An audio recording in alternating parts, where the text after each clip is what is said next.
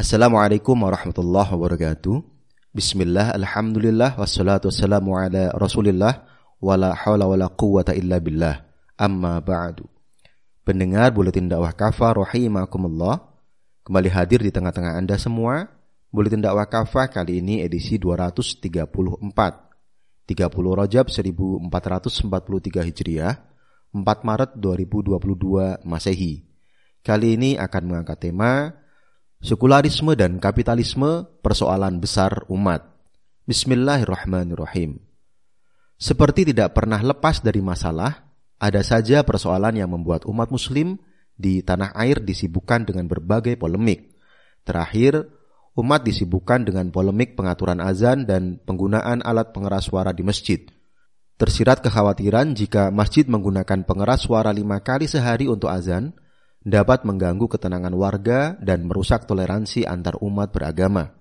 Bahkan ada yang menyatakan bahwa umat muslim tidak perlu menggunakan pengeras suara karena Tuhan Maha Dekat dan tidak tuli.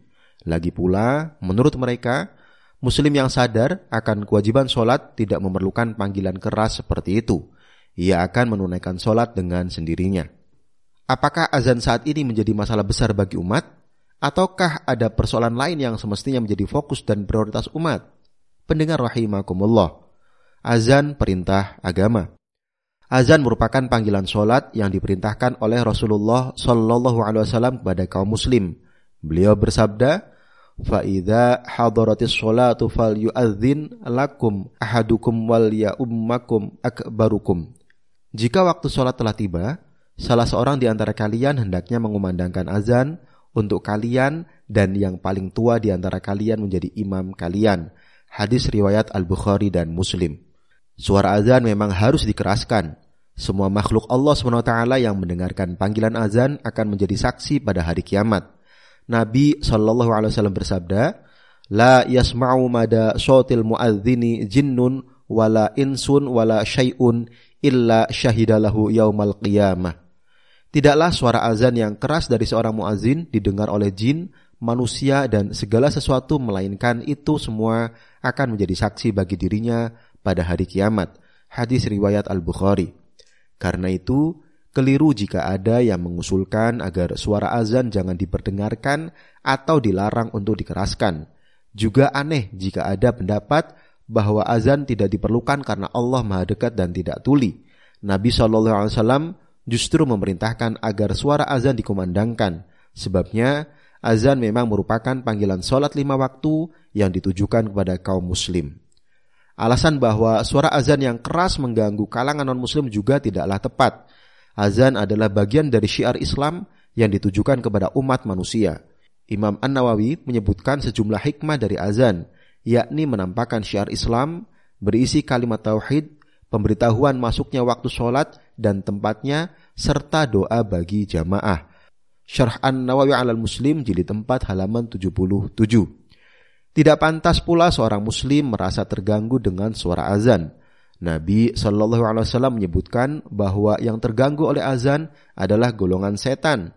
Beliau bersabda, "Idza nudiya bil adani adbara syaitanu lahu dhuratun hatta la yasma'al adhana fa idza qudiyal adhanu aqbala fa idza thuwiba biha adbara fa idza qudiyat taswibu aqbala yahduru bainal mar'i wa nafsih jika azan dikumandangkan setan segera berpaling sambil kentut hingga dia tidak mendengar azan tersebut. Jika azan selesai dikumandangkan dia pun kembali. Jika dikumandangkan iqamah setan kembali berpaling. Jika iqamah selesai dikumandangkan dia pun kembali ia akan melintas di antara seseorang dan nafsunya. Hadis riwayat mutafak alaih. Merendahkan azan seperti mensejajarkan azan dengan gonggongan anjing atau dulu ada yang menyebutkan bahwa suara kidung jauh lebih indah daripada suara azan adalah termasuk penistaan agama serta merupakan dosa besar. Allah SWT telah mengingatkan dalam Quran surah Al-Maidah ayat 58. A'udzubillahi minasyaitonirrajim. Bismillahirrahmanirrahim wa idza nadaitum ila sholati takhaduha huzwa wa la'iban dzalika bi annahum qaumul la ya'qilun jika kalian menyuruh mereka untuk mengerjakan sholat mereka menjadikan seruan itu sebagai ejekan dan permainan Yang demikian adalah karena mereka benar-benar kaum yang tidak mau menggunakan akal. Pendengar rahimakumullah. Persoalan utama sekularisme. Sebenarnya banyak persoalan yang lebih utama dan penting untuk diselesaikan umat dan para pejabat di negeri ini ketimbang meributkan azan dan pengeras suara. Yang utama adalah sekularisme, paham batil yang mengajarkan pemisahan agama dari kehidupan ini menyebabkan banyak kaum muslim yang tidak peduli dengan agamanya. Dewan Masjid Indonesia pernah menyampaikan data 65% muslim di Indonesia ternyata belum bisa membaca Al-Quran. Padahal Al-Quran adalah kitab suci kaum muslim. Membaca Al-Quran berbuah pahala dan syafaat di akhirat. Mempelajari dan mengamalkan Al-Quran adalah kewajiban. Bukankah membebaskan umat dari buta huruf Al-Quran seharusnya menjadi tanggung jawab umat dan negara? Demikian pula dalam masalah sholat. Andaikan pemerintah mau menelusuri, bisa jadi akan didapatkan data bahwa masih banyak muslim di tanah air yang melalaikan kewajiban sholat lima waktu. Namun, akibat sekularisme, ibadah dipandang urusan pribadi belaka. Tidak ada yang berhak memaksa termasuk negara. Karena itu, tidak sedikit orang yang enteng saja meninggalkan sholat. Padahal Nabi Shallallahu Alaihi Wasallam mengingatkan, Al-ahdul ladhi bainana wa bainahumus sholatu faman tarakaha faqad kafar. Perjanjian antara kita dengan mereka adalah solat. Siapa saja yang meninggalkan solat, maka ia telah kafir. Hadis riwayat Ibnu Majah. Para ahli ilmu sepakat bahwa orang yang sengaja meninggalkan solat tanpa uzur hingga habis waktunya, maka ia telah kafir. Para ulama Malikiyah dan Syafi'iyah berpendapat bahwa orang seperti itu tidaklah kafir, tetapi fasik dan ia diminta agar bertobat. Jika ia bertobat, maka diterima tobatnya. Namun, jika ia tidak bertobat, ia mendapatkan sanksi hukuman mati sebagai sanksi atau had. Al-Jaziri dalam kitab Al-Fiqh ala Al-Mazahib Al-Arba'ah jilid 5 halaman 401. Nah, tugas negaralah untuk mengedukasi, menertibkan dan menghukum mereka yang meremehkan pelaksanaan sholat. Sekularisme juga melahirkan pluralisme hingga sinkretisme. Tidak sedikit kaum muslim mencampur adukan ibadah dan keyakinan mereka dengan umat lain. Sebagian dari mereka bahkan dipaksa mengikuti ritual agama lain karena aturan tempat bekerja atau lingkungan mereka tinggal. Di Bali, setiap tahun umat muslim dipaksa untuk mematuhi aturan umat Hindu saat hari raya Nyepi. Mengapa hal ini tidak dipersoalkan oleh negara, khususnya Kementerian Agama? karena sekularisme pula umat muslim di tanah air rentan mengalami pemurtadan. Pada tahun 2016, MUI pernah menyampaikan laporan bahwa setiap tahun ada 2 juta muslim keluar dari agamanya di Indonesia. Ini menandakan lemahnya pembinaan dan perlindungan terhadap keimanan mereka yang semestinya dilakukan oleh negara.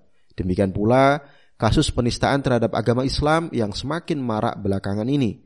Ini karena lemahnya penegakan hukum terhadap para pelaku.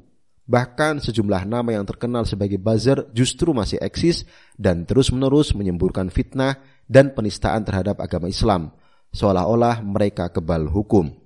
Pendengar rahimakumullah, kapitalisme dan oligarki. Setelah sekularisme, umat muslim hari ini juga dihadang oleh cengkeraman kapitalisme dan oligarki. Segelintir orang berkuasa dan menzalimi rakyat. Kejahatan kapitalisme dan oligarki ini sudah demikian nyata seperti terlihat dari naiknya harga-harga kebutuhan pokok seperti minyak goreng, kacang kedelai dan sejumlah kebutuhan pokok lainnya. Direktur Utama Perum Bulog Budi Waseso pernah mengatakan bahwa pasar pangan di Indonesia hampir 100% dikuasai kartel atau monopoli. Ia mengatakan Bulog hanya menguasai 6%, sisanya dikuasai kartel. Kasus kelangkaan minyak goreng di tanah air adalah ironi. Pasalnya, Indonesia adalah negara dengan perkebunan sawit terbesar. Namun, perkebunan sawit itu dikuasai hanya oleh 29 taipan yang memiliki lahan separuh pulau Jawa alias lebih dari 5 juta hektar. Industri minyak goreng pun dikuasai hanya oleh empat konglomerat. Itulah sebabnya Komisi Pengawas Persaingan Usaha atau KPPU dan Yayasan Lembaga Konsumen Indonesia atau YLKI sama-sama menduga ada permainan kartel. Perusahaan minyak goreng menaikkan harga secara bersamaan padahal mereka memiliki perkebunan sawit masing-masing. Dikutip dari Tribun Jabar 26 Januari 2022. Negara harusnya menjamin kebutuhan pokok rakyat dan mencegah serta menghukum permainan para pengusaha jika terbukti melakukan kecurangan, seperti menaikkan harga dengan sangat keterlaluan yang disebut ghobn fahish atau khilabah atau penipuan.